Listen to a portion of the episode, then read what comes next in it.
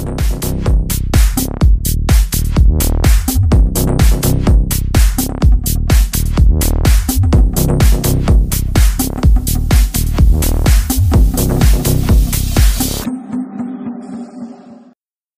what's up guys? Kembali lagi di sini bersama gue Raffi dan rekan gue. Zahran. Gimana lagi kalau bukan di podcast sepak bola terbaik di Indonesia ya self claim. Gimana kalau bukan di Offset Media Network. Oke. Semangat banget gue. Ada ini ada sebuah event yang sangat baik, yang sangat seru menurut gue. Jadi apa itu eventnya? Zahran, silakan. Ya jadi uh, ini kan kita lagi di bulan Januari gitu ya. Kita tahu kalau bulan ini kan bulan-bulannya emang adanya transfer pemindahan pemain yang khususnya ditunggu-tunggu banget gitu oleh beberapa fans-fans juga dan mungkin di sini kita akan lebih sorot ke deadline transfer yang biasanya banyak banget. Transfer yang mengejutkan yang secara tiba-tiba kita nggak tahu dari mana kok tiba-tiba pemain ini pindah ke sini ke sana ke sini dan biasanya pemain-pemain besar pun ada juga gitu. Iya betul sekali. Di deadline episode kali ini tuh sangat ini banget ya kayaknya banyak yang wow gitu. Dibandingkan ke transfer deadline di periode yang sebelumnya yang yeah. di tengah tahun. Jadi ada berapa pemain yang sangat benar-benar sampai di akhir banget ya akhir-akhir waktu hmm. kayak contohnya hmm. Aubameyang gitu. Nah gimana tuh sebagai fans Arsenal Aubameyang keluar? ya um, gue nggak tahu ya kok gue gue kalau sebagai fans Arsenal kalau misalnya dibahas secara Arsenal dulu gitu ya kalau misalnya keseluruhan gue pasti kecewa gitu ya banyak kan pemain yang keluar tapi nggak ada yang masuk kalau khusus buat kasusnya Auba sendiri ya kalau menurut gue sih emang udah nggak ada jalan lain buat Auba juga selain dia pindah gitu ya. Jadi ya win-win buat dua-duanya. Apalagi kalau kita lihat dari skenario nya karena ini cukup menarik ya. Kalau misalnya kita membahas lebih dalam gitu ya. Cukup menarik Apa? buat transfer Auba sendiri. Karena jadi awalnya emang rumornya pun muncul dan emang benar ada negosiasi antara Arsenal dan Auba untuk kesepakatan pinjaman awalnya. Tapi kan seperti yang kita tahu juga kan bahwa Barca ini kan ada kendala gaji pemain juga ya, slot gaji pemain terlalu tinggi dan jadi nggak bisa datangin pemain dengan gaji tinggi lagi sampai uh, akhirnya beritanya tuh emang resminya dealnya tuh off jadi emang gagal di untuk peminjamannya karena yang kita tahu kan emang gaji Oba gede banget ya sampai hmm. tiga ratus lima puluh ribu sendiri di Arsenal tuh malah yang paling tinggi kalau sejauh yang gue inget ya ya udah akhirnya karena memang Arsenalnya juga udah udah nggak mau kali ya khususnya Arteta tuh kayaknya udah nggak udah nggak mau lihat Auba lagi gitu di Arsenal akhirnya ya udah. Adanya kesepakatan secara personal persetujuan personal untuk mengakhiri, mengakhiri kontrak dan akhirnya terjadi dan sampailah Auba resmi menjadi pemain Barca dengan uh, gaji yang cukup kecil juga. Bahkan beritanya 5000 5000 per week kalau nggak salah wow. kan awal sama 350 ribu ya wah, jadi benar-benar cukup yeah. motong banyak banget gitu loh jadi technically gitu ya sebenarnya dia dibeli secara free agent gitu jadi emang benar-benar murni setelah diputus langsung dibeli Barca. Jadi kalau emang setahu gue emang kalau misalnya emang masih ada kesepakatan sama klub apa klub asli lo gitu ya dengan gaji yang tinggi itu lo nggak bisa ngurangin karena emang kontraknya kan ada sama sama Arsenalnya bukan lu harus ke Barca gimana. Nah Barkanya itu tinggal negosiasi sama Arsenal untuk mau bayar gaji berapa gitu loh. Sedangkan mereka nggak mungkin nggak nggak nggak mampu untuk bayar gaji seberapa pun mungkin setengah persen dari yang Auba aslinya 350 k juga masih belum belum belum mampu gitu ya. Makanya akhirnya di diputus kontraknya baru dibeli secara hmm. gratis gitu. Makanya gajinya turun banget. Iya iya. Nah uh, Aubameyang ini gue juga belum bisa prediksi sih ya sebenarnya apakah di Barcelona dia bakal apa antara bisa terjadi dua nih antara dia jadi semangat lagi karena termotivasi buat membuktikan atau justru yang kedua justru dia semakin flop lagi karena dia merasa kayak ya udah gue ke Barcelona cuma karena mau ada di CV pernah jadi main Barcelona yeah. atau cuma mau uh, ketemu sama teman baru doang atau gimana gue ngerti. Agak dilema sih ya emang karena uh, Auba ini kan juga gak lagi dalam form terbaiknya ya buat Arsenal. Beberapa bulan tuh lagi ampas banget. Udah nggak nyetak gol bahkan peluang bersih pun dia kadang nggak bisa gitu loh jadi benar kata lo jadi patut tunggu apa yang bisa dia lakuin di sana dia kan udah nggak muda lagi juga ya dan yeah. tadi diragukan ya di formnya aja lagi naik turun nah sebenarnya dibandingkan formnya gue lebih uh, concern sama etos kerjanya yang menurun banget itu. Iya. Bener-bener jalan kaki pada nggak ngangkat dia sebagai kapten hmm. waktu itu di Arsenal. Iya, makanya sampai ditarik juga kan akhirnya. Itu dia. Waktu ditunggu lah ya.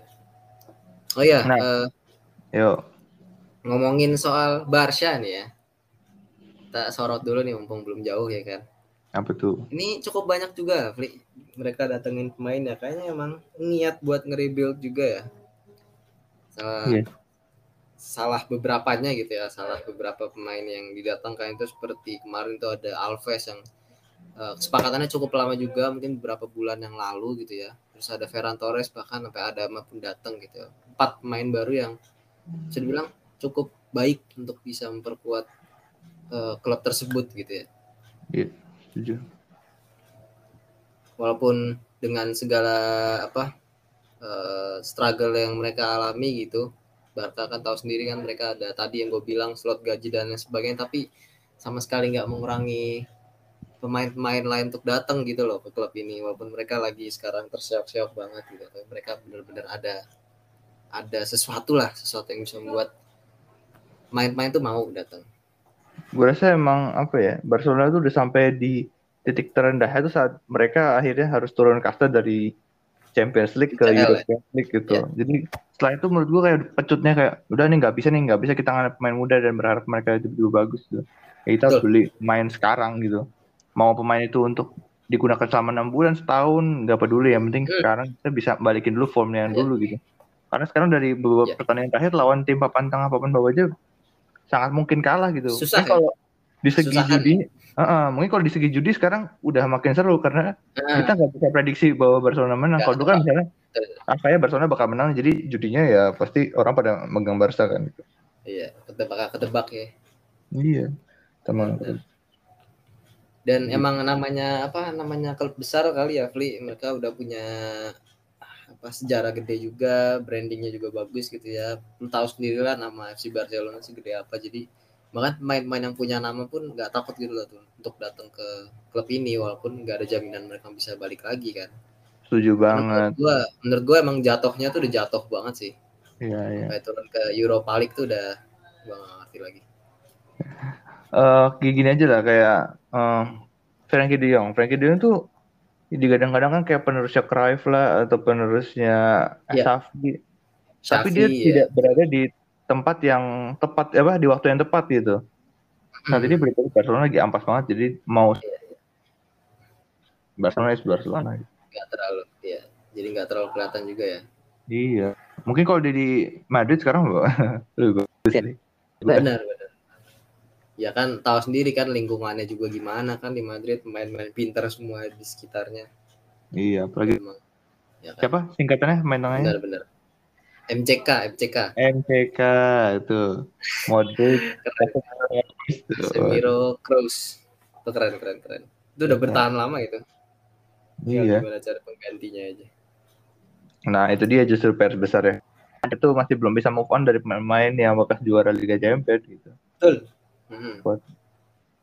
Karena squad-squad yang dibeli setelahnya kayak uh, anak-anak Brazil yang dibeli secara borongan itu belum bisa ngangkat Madrid sampai ke level Madrid yeah. yang dulu sih. Mm-hmm. Setuju, setuju gue. Ya. Oke. Okay. Lanjut. Next, lanjut kita ke klub lu ya, Fli. Klub Denmark, klub Denmark lu ini, Fli. Oh. Siapa, Fli? Itu Fli. Inggris rasa Denmark. Itu Brentford. Okay. Brentford datangin si Erikson ya yang free transfer dari sebelumnya. Eh free agent sorry. Reagen yang dulunya sempat di Inter namun dia di cut uh, kontraknya Betul. karena nggak bisa main di Liga Italia. Terkendala dengan peraturan ya di sana. Peraturan tentang uh, kondisi jantung itu sangat ketat jadi dia harus pindah ke negara lain dan Inggris itu masih bisa gitu dia masuk karena nggak begitu ketat uh, peraturannya gitu. Kardiak Dan dia juga, ya bagus sih karena di Brentford itu kan isinya juga orang-orang Denmark ya ini benar-benar ya. lingkungan yang dibangun dari boardnya jadi dari segi manajemennya juga banyak orang Denmarknya pelatihnya juga dan banyak pemain dari Denmark jadi dia di situ udah ibaratnya disegani lah jadi dia gue udah cukup nah terus juga bagus bagi si Erikson buat uh, sebenarnya ini nggak bisa kayak 100% kayak dulu ya. Jadi dia bisa kayak ngira-ngira dulu nih deh selama enam bulan ini apakah kondisi fisiknya bisa memadai buat lanjut jadi pemain bola gitu. Jadi kalau Benar. mungkin memang dia masih bisa, ya mungkin nanti di musim depan bakal dikontak sama tim lain atau mungkin lanjut di Brentford gitu. Iya. Dan kalau Terus dari segi permainan apakah di bantu atau enggak ya Brentford is Brentford ya. Brentford tuh bagus Hmm. tapi belum bisa compete di Liga IPL gitu. Jadi ya mungkin paling bagus juga bagi Brentford cuma di, lap- di papan tengah aja sih menurut gue. Kalau di Ya. papan tengah ya dari papan bawah. Seenggaknya bisa bertahan gitu ya. Iya, but uh, makanya I don't think mereka bakal di degradasi sih tapi Iya, gitu. betul betul betul. Oke. Eh ngomongin soal Erikson gitu ya. Mungkin kita Ya. juga singgung ke klub lamanya juga kan Tottenham Hotspur yang eh bisa dibilang cukup apa ya cukup jor-joran juga kali ya mereka beli dan ngeluarin pemain. Aktif ya, aktif sekali. cukup aktif cukup aktif juga betul cukup aktif. Mereka kalau nggak salah ngeluarin sekitar satu dua atau tiga pemain gitu ya. Mungkin salah tiganya itu ada nama-nama kayak Brian Hill yang itu cukup mengejutkan juga karena kebetulan kan baru dibeli juga kemarin gitu ya. Walaupun Iya. uh, ada alasannya juga karena bisa jadi emang bukan pemain pilihan Conte kan. Kemarin kan pas masih periodenya si Nuno kan Iya, Terus ditambah lagi dia nggak si- perform juga. Ya betul, dia juga nggak perform. Banyak kan main dari cadangan gitu. Terus si Ndombele sama si Lo Celso juga akhirnya keluar dipinjemin. Oke. Dan sebagai gantinya gitu ya, mereka mendatangin dua pemain Juventus, ya, yaitu Rodrigo Bentancur dan Kulusevski. Nah, ini Eh. apakah Conte itu ada hubungan sama Juventus, akhirnya kita cocok logi aja ya udahlah, beli pemain Juventus nggak ngerti. Walaupun sebenarnya Ya. dua pemain ini bukan di era Conte kan, maksudnya bukan Conte yang beli gitu. Makanya.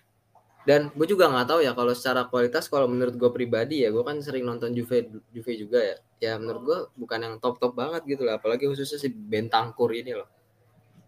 Ba- menurut gue bahkan malah banyak pemain Ju- banyak fans Juve gitu ya yang pengen dia emang pengen dia pergi gitu loh. Jadi ya Ya, patut ditunggu aja sih gimana racikannya oleh Antonio Conte. Kebetulan kan Hah? Dia main tiga back juga kali ya mungkin bisa main di empat empat tengah itu dua sejajar bareng rekannya ntar CM siapa gitu kan. Siapa tahu cocok di situ si Bentancur oke. Nah, oh iya. eh, Tottenham sebenarnya menurut gue ya eh, tambahan dikit Hmm. kayaknya nggak bakal ke mana-mana juga sih menurut gue dari apa yang dibeli dan sekarang squad yang current yang mereka punya ya bakal nggak konsisten seperti biasa. Eh, paling bagus mungkin posisi 6 sih gue. iya betul. Ya maksimal tetap di atas 8 besar ya menurut gue karena sekarang tuh cukup ini hebatnya Premier League menurut gue ya. Persaingannya mereka tuh cukup ketat semakin tahun semakin tahun ganti gitu ya malah semakin turun gitu loh persaingan. Maksud gue turun di sini dari sisi peringkatnya. Jadi kalau dulu tuh kan orang mungkin ngejar top 4 gitu ya. Terus bertahun-tahun silang gitu kan orang ngejar top 6 bahkan sekarang tuh top 8 tuh. Iya, heeh. Soalnya Ya. hampir bisa dibilang gitu ya klub dari peringkat 1 sampai 8 tuh ya mungkin selain nomor 1 2 3-nya itu karena menurut gue ya yang bersaing di 1 2 3 cuma mereka bertiga gitu Liverpool Chelsea City ya tapi peringkat 4 sampai 8 itu bisa banget untuk tukar-tukar tempat gitu Iya betul. Setuju. Karena ya persebarannya cukup ini ya inkonsistensinya tuh merata gitu. Hmm. Kadang-kadang bagus, kadang-kadang emang lagi nggak main bagus aja jadinya nggak menang, nggak imbang, segala macam. Iya. Buang-buang poin. Ya, gitu doakan aja aja ya. Eh, semoga di paruh kedua, di paruh kedua nih, enam bulan ya, menuju ke akhir musim ini bakal lebih seru lagi Liga Inggris. Iya betul Kan? patut ditunggu sih ya Iya. karena ya tadi cukup bersaing banget gitu, khususnya yang top 8 oke Udah bukan top six Eh, lagi ya, ya. Top 8 Ah, jadi malah top menurut, menurut gue sekarang udah top 8 karena Arsenal sendiri kemarin selesai di 8 loh kalau misal kita lihat lebih dalam dari peringkat 4 sampai 8 nya itu ya kalau yang gue ingat itu eh, ada West Ham ada Arsenal MU Spurs. Satu lagi itu siapa ya? Lupa gue pokoknya satu lagi tuh salah satu klub juga gitu yang gede juga. Dan kita lihat lah dari nama-nama klubnya bisa banget gitu untuk mereka tukar-tukar tempat. Iya, iya, iya. Kalau menurut gue sebenarnya tetap top six. Tapi dua di atas tuh Liverpool sama City tuh udah nggak dianggap City Iya, udah iya. nggak ada. Mereka udah udah different level. mereka Khususnya City gitu ya. uh, Liverpool sama City itu udah di different level. Nah, terus enam tim di bawahnya itu baru bersaing gitu. Ada Liv, Hmm. ada MU, Arsenal, terus ada Tottenham juga, ada West Ham. Bahkan, satu. bahkan West Ham ya. Heeh. Iya, iya, iya. Ya, eh, ngomong-ngomong soal Liverpool nih ya. eh, ini menurut gua bisa jadi salah satu transfer yang cukup baik atau bisa dibilang paling baik ya. Betul. di bulan Gua Januari ini ya Liverpool datengin Luis Diaz dari Porto dengan 45 m ditambah 15 m untuk ads on ya. Dan seperti yang kita tahu sendiri gitu kan eh, main-main kayak gini nih main-main tipikal klub. Maksud gua kayak gini ya bukan yang benar-benar levelnya tuh langsung wow main top gitu pemain yang mungkin kayak Mbappe gitu atau lu mungkin datengin langsung yang pemain bagus banget gitu ya tapi pemain yang levelnya masih di bawah top cuman bisa dibikin top oleh seorang klub Iya, iya. makanya itu yang Iya. gue tunggu gitu Hitungannya tuh jam gitu. iya iya hitungannya kayak hidden gem ini bisa jadi Iya. salah satu ini jatuhnya kayak kemarin waktu datengin Jota gitu loh orang bingung orang nggak tahu kan rumornya dari mana terus tiba-tiba mereka datengin Jota dan ekspektasinya apakah benar dia bisa apa ya seenggaknya bersaing sama Firmino Salah Mane dan ternyata benar dan Jota bisa jadi pemain yang bukan bisa jadi ya menurut gue udah salah satu pemain yang berhasil banget sih Ya sebenarnya kalau ngomongin Jota ya, kalau ngomongin Jota se- semenjak gua nonton uh, Wolf di mungkin dua tahun lalu ya, dua tahun lalu sampai Iya. sekarang kelihatan banget sih Jota tuh bagus gitu. Maksudnya Hmm, walaupun dia maruk ya, cuman wajar emang karena satu tim Iya. kan dia orang Portugal maruk semua gitu. Tapi at least dia bisa sering nyetak gol gitu di sana. Lebih sering dari Raul Jimenez. Jadi dan pas datang ke Liverpool dan ternyata bisa perform ya gue nggak heran. Dan Hmm. malah justru Firmino menurut gue jadi pilihan kedua. Sekarang pilihan, pilihan iya pertamanya Firmino Firmino sekarang itu sih yang yang yang paling hebatnya menurut gue di situ di mana semua orang bilang trio Firmino Man Firmansyah ya orang-orang bilang gitu ya Iya. susah buat disingkirkan gitu tapi ada satu nama Jota dan dia benar-benar bisa bersaing dan bukan cuma di satu posisi menurut gua dia bisa main di tiga posisi itu tergantung siapa yang lagi gak ada aja Nah, betul betul. Jadi bagus ya Liverpool gitu ya. Dia beli pemain yang bisa ditempatin di banyak posisi. Jadi nggak beli pemain untuk satu posisi doang gitu. betul betul betul itu keren sih oke Ya kita lihat aja ya. Mudah-mudahan. Oh ya Liverpool juga buang pemain kan. Ada yang dikeluarin juga. Nico Williams. oh Nico Williams ya Iya, kalau nggak salah. Oh, Begitu. ya, ya, ya, ya. Ya itu masih muda juga sih dan ya kasih jam terbang lah karena menurut gue emang Nah, dia ke Fulham. ada sih. ke Fulham. Fulham. bukan nggak ada sih tapi hampir bisa dibilang impossible buat ngegusur Alexander Arnold Oh iya. Jelas. nggak ada Itu berbeda di, di OG-nya itu eh, squad Liverpool dia yang menang yang menang eh, Liga dan juga menang Liga Champions. Susah sih. Gua rasa sih benar-benar generasi emas Liverpool ini nggak ganti. betul Oke, oke. Ya. Lanjut lagi. Eh, hmm, menarik juga bahkan eh, bukan hanya pemain gitu ya kita nggak cuma ngomongin soal pemain tapi ada juga eh, klub yang datengin pelatih juga ini Waduh. legend juga Itu lawannya kan yang kita tahu Liverpool. Iya betul betul betul betul. Ini ahli crossing crossing ya ini Frank Lampard ya akhirnya ke Everton gitu ya. Ya, benar di deadline Eh, juga nih ya. Eh, Eh, ngomongin soal Everton juga ini setelah si Frank ini di diangkat gitu ya jadi pelatihnya eh, Everton mereka datengin juga beberapa pemain salah salah duanya gitu salah duanya itu ada Ali dan Van de Beek gitu. Dan kalau dilihat dari eh, karakter bermain atau tipikal bermain menurut gue bisa cocok-cocok aja sih menurut gue ya menurut gue sih bisa cocok-cocok aja sih ya. Cuma walaupun sebenarnya mereka berdua ini posisinya sama ya. Dia bermain di belakang striker gitu. Jadi mungkin kalau memang Hmm, formasi, formasinya benar kayak biasa 4-2-3-1 ya mungkin nanti kadang-kadang main Ali atau kadang-kadang main eh, Van de Beek. Karena menurut gue nggak mungkin dua-duanya dimainin sih. Karena kalau misalnya mau Hmm. ngejar gol pun pasti bakal nyari pemain satu yang apa gocekannya bagus dan mereka berdua tidak gitu. Iya. Hari ancam dan mereka berdua juga tidak gitu.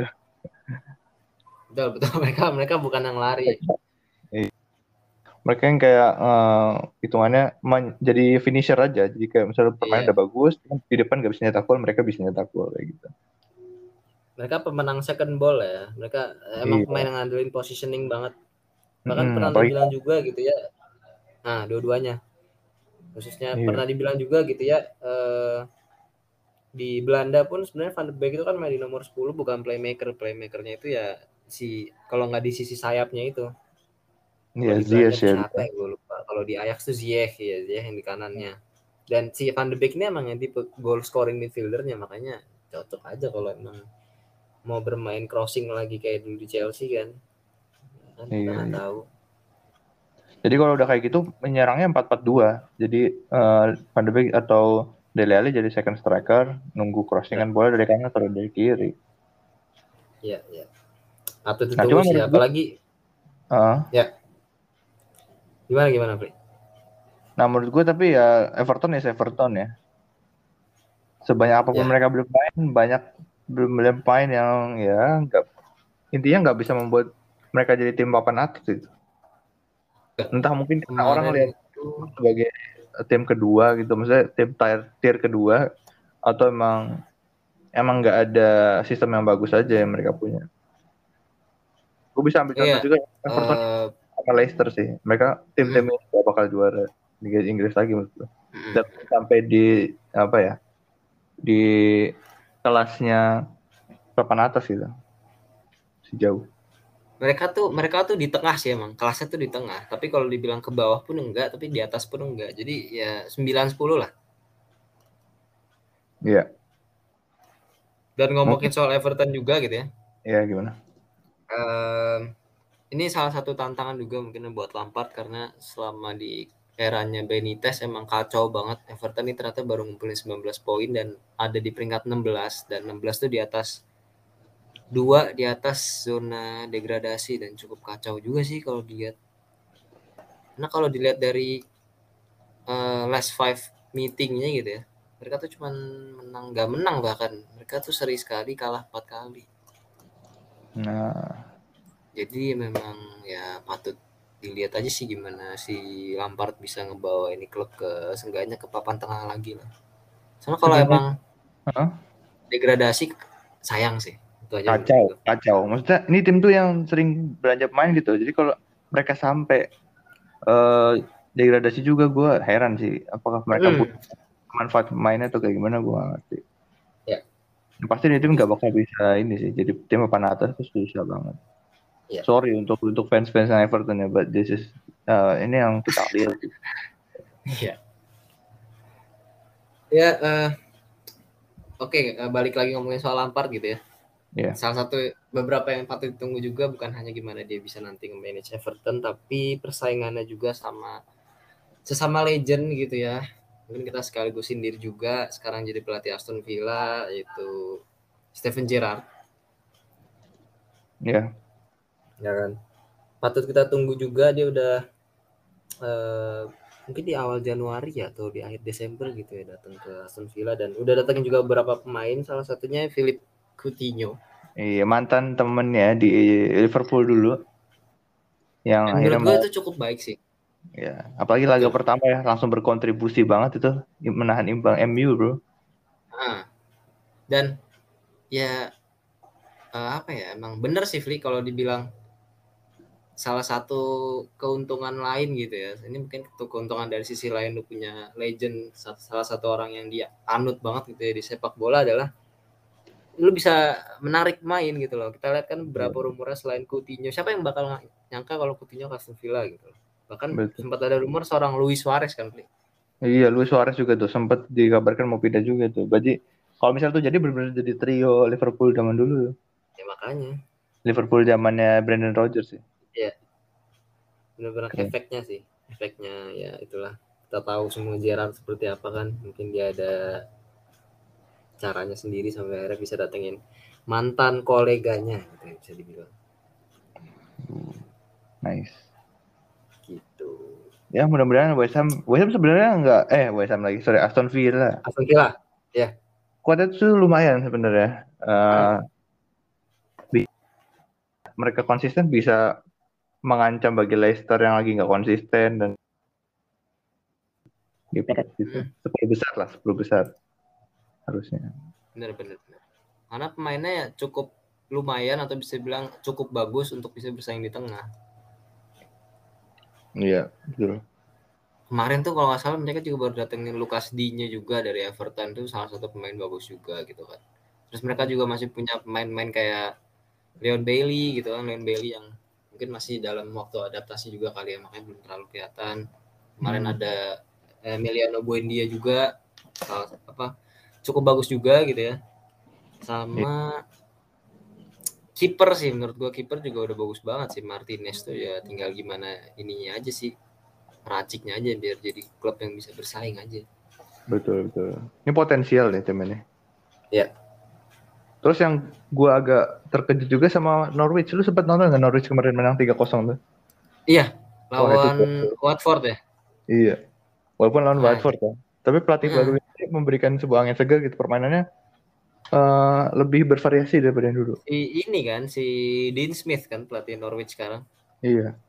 Itu emang bagus loh sebenarnya dari lawan Aston Villa dari zaman Aston Villa kemarin. Cuman nggak tahu kenapa ya tiba-tiba di akhir periodenya dia sempat tiba-tiba nurun aja jadi akhirnya dipecat juga gitu. Iya sih. Padahal sebenarnya nah tadi mungkin kayak um, boardnya dari West eh, dari Aston Villa merasa kayak ini udah banyak main bagus kok masih nggak angkat juga gitu. Hmm, Padahal bisa ya, jadi Hmm. Liga sih uh, cukup wajar ya karena di Liga Inggris itu kan uh, berat ya. Yeah. Nggak bisa cuman pakai teori kalau makin banyak spend makin banyak prestasi itu kan tidak bisa. Nggak, nggak sangat nggak bisa. Itu bukan sepak bola ya namanya kalau kayak gitu. Iya. Gak ada, gak ada jaminan. Gak ada jaminan betul betul. Karena kita bukan pay to win ya.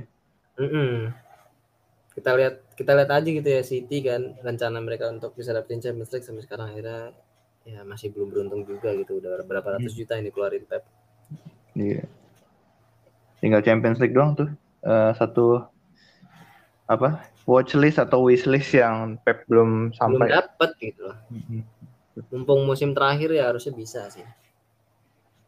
Oke uh, lanjut gitu ya mumpung kita ya. lagi ngomongin City nih akhirnya uh, City ngedatengin striker juga gitu ya salah satu gue nggak tahu ya ini apa emang mereka tuh ada ketertarikan oleh apa dengan striker Argentina atau gimana tapi ya, mereka ya datang striker Argentina namanya Julian Alvarez dari River Plate untuk 17 euro gitu ya oh 17 euro ya umur usia 21 tahun masih potensial banget ya anak mm. dan cukup Umar. Bagus hmm? juga sih waktu di River Plate golnya banyak. Total di sini ada 36 goals dari 96 appearances. Itu lumayan bagus sih. Dia kan model tipe bukan yang terlalu tinggi gitu ya strikernya. Jadi hmm. gocekannya bagus finishingnya bagus ya, gitu. emang apa ya? Emang Agu Aguero banget sih. Iya tipe kalau Aguero banget dari segi permainannya. Tipe Aguero banget. Tinggal gimana bisa klop aja. Memang betul, kita tahu sih tipe striker sih. Iya, karena so far walaupun mereka bisa cetak banyak gol dan tanpa striker juga masih oke-oke aja, tapi gue rasa untuk cadangan, maksudnya untuk jaga-jaga itu perlu gitu kayak misalnya kalau lu harus lawan Liverpool, lawan Chelsea yang butuh satu gol yang krusial yang nggak bisa dicetak sama Mahrez atau Bernardo itu butuh sih menurut gue. Iya. Satu crossing atau pemain kayak gitu. Nah yang gue heran tuh ini kan sebenarnya kenapa tim-tim di Liga Inggris gak nggak ngelihat striker-striker bagus itu ya? Kembali lagi mungkin gak cuma Liga Inggris doang, teman beberapa tim. Kembali lagi belinya Morata lagi, Morata lagi. Kenapa nggak lihat main-main kayak Darwin Nunes gitu terus kayak si yeah. pemain yang dibeli City ini Alvarez gitu. Alvarez. mereka nggak mempertimbangkan itu gitu. Itu juga jadi ini juga sih. Mungkin karena nggak tahu ya uh, kepercayaan mereka kali ya kurang kali kalau ngelihat pemain yang bermain di liga-liga Eropa yang top 5 ini gitu. Iya sih mungkin masih takut fail gitu ya. Iya benar walaupun sebenarnya nggak nggak nggak pasti juga sih sebenarnya ya. itu. Makanya menurut gua mending ya lu kan punya duit banyak nih kan. Kita ngomongin tim-tim gede ya yang punya duit banyak. Hmm. ya udahlah belilah 17 miliar apa 17 juta 20 juta untuk main kayak gitu. Iya. Yeah. itu yang dilakukan sama Liverpool juga gitu. Kayak misalnya beli hmm, main 8 juta segala macam at least kalau misalnya pun gagal ya udahlah cuma 8 juta ini gitu loh. Iya. Kali kayak lu juga bisa jual lagi gitu kan hmm nggak kayak yang MU lakukan pas beli Sancho gitu nah akhirnya Sancho ya. juga gitu loh. Sampai sekarang masih nggak jelas itu gimana. Iya. Nggak kayak ini ya, nggak kayak Arsenal pas beli PP gitu ya. Iya, oh sama aja. Aduh, 70 juta. Hmm. Ya itu nggak jauh beda lah, Jis. Dembele juga gitu kan kasusnya. Dibeli Iya. seratusan juta juga nggak bisa ngangkat gitu tim. Benar-benar. Mungkin eh, last kali ya, ini terakhir juga. ya apa tuh? Eh, salah satu yang bisa dibilang paling cukup bukan paling sih ya mungkin cukup menarik perhatian juga klub yang paling banyak nge-spend di Liga Inggris khususnya Newcastle Hmm, kenapa tuh? atau klub klub Sultan gitu kan akhirnya mereka ngedatengin beberapa pemain dan gue tahu sih ekspektasinya mereka bisa untuk bisa ngebantu naikin seenggaknya lolos dari zona degradasi dulu lah karena main-main yang datang gimana ya mungkin bukan yang paling top sih ya cuman untuk mem- menguatkan skuadnya ya bisa aja sih Ya, menurut gue ini yang didatangin beberapa grade B, grade C gitu. Grade Iya, ketiga ya gitu. Nah, main-main didatangin. kayak main-main kayak si Bruno Bruno Gimares terus kemarin tuh Trippier tuh dua itu menurut gue dua yang paling baik yang mereka datengin sejauh ini sih ya di luar dari mereka datang Iya, main iya. kayak Dan Burn terus Mm-mm. striker Burnley Chris Wood gitu kan Ya. Sama satu lagi siapa? mungkin itu sih lagi tuh siapa Empat ya? Mereka datangin lima. Setahu gue ada satu lagi deh setahu gue lima harusnya Ya, Cuman gue lupa satu lagi ya itulah pokoknya. pokoknya itulah ya buat Newcastle dan jadi tunggu aja lah pokoknya. Karena kita bukan cukup penasaran lagi ya emang penasaran banget gimana mereka musim depan gitu ya. Pasti jor-joran Mhm. buat beli pemain pemain top. Ya kan? Pasti. Oh, Karena siapa tahu bisa. Ya. Tahu sendiri kan bisa menyaingi? ya, eh, Newcastle tuh ter- orang terkaya di menjadi pemilik klub terkaya juga di Liga Inggris ya. Mm-mm. Harusnya sih Bahkan- dia memperbaiki itu. iya bahkan selisih sama yang nomor duanya aja jauh banget kali ya Iya, katanya tuh digabung digabung 19 tim itu masih kalah sama satu Iya. Newcastle. Jadi makanya makanya eh, guys bawahnya gini sih. Kita jangan lihat dari itunya doang, tapi ini semua tuh juga akhirnya berpengaruh lagi dari manajemennya. Kayak City. City itu bukan cek Mansur lagi sekarang. City itu ya City Football Group. City Football Group ini Hmm. bukan udah bukan cek Mansur, dia cuma komisaris aja gitu. Iya. Ya, which is oh, menurut gue bagus banget ya caranya City Football Group dalam kan gue sempat nonton ya beberapa video gitu kayak gimana sih City bisa menjadi kayak gini sekarang terus bisa bikin beli City apa New York City bisa beli Melbourne City dan segala macam dan tujuannya apa kayak gitu ya mungkin kita bisa bahas di video selanjutnya Betul. harusnya ya Jadi, kalau Newcastle mau jadi sehebat City terus juga Liverpool ya harus uh, punya manajemen bagus ya. Gue nggak mention PSG karena PSG menurut gue sampah sih ini ya. Betul betul betul. bener-bener kayak ngeliat kelihatan mau cuma jor-joran doang gitu. Kayak beli Neymar 200 M plus plus datengin Messi dengan apa free transfer Ramos free transfer. Pokoknya semua pemain free transfer dibeli yang bagus-bagus gitu emang buat bener-bener komersial banget ya cuma eh, popularitas semata gitu Dan antara itu atau mungkin mereka terlalu terobsesi gitu ya. Terlalu terobsesi sampai mungkin nggak ngelihat nggak ngelihat apa sisi-sisi lainnya gitu ya. Terlalu Iya. terobsesi dengan UCL. karena gue nggak tahu sih apakah mereka mau apa ya kayak udah sukses sukseskan dulu Piala Dunia di Qatar mungkin kayak gitu jadi Nah. ya makanya kebijakannya itu benar-benar tujuannya buat menarik orang-orang em, melihat Piala Dunia di, di 2022 yang diselenggarakan November nanti nah Nah, patut ditunggu itu itu juga patut ditunggu dan pastinya kita akan bahas juga lah ya di video-video video selanjutnya ya, Fli. betul apalagi nanti pas sudah masuk ke babak grup bakal kita bahas Iya. match-match yang seru di Piala Dunia Piala Dunia. Oke lah kalau gitu eh, supaya tidak terlalu bertele-tele ya Ran ya yang durasinya Ya, bikin ya. kalian ngantuk dan tidur. Yang kita cukupkan sampai saat ini. Kalau ada eh, berita-berita yang seru lagi akan kita lanjutkan lagi di episode selanjutnya dan pastinya tetap pantengin terus sosial media network karena setiap minggunya kami memberikan hal-hal yang baru bagi kalian baik itu di lapangan ataupun luar lapangan. Oke, kalau gitu dari gua Rafli pamit. Dari gue Zahran pamit. Sampai jumpa di episode selanjutnya dan see you. Bye bye. Ciao.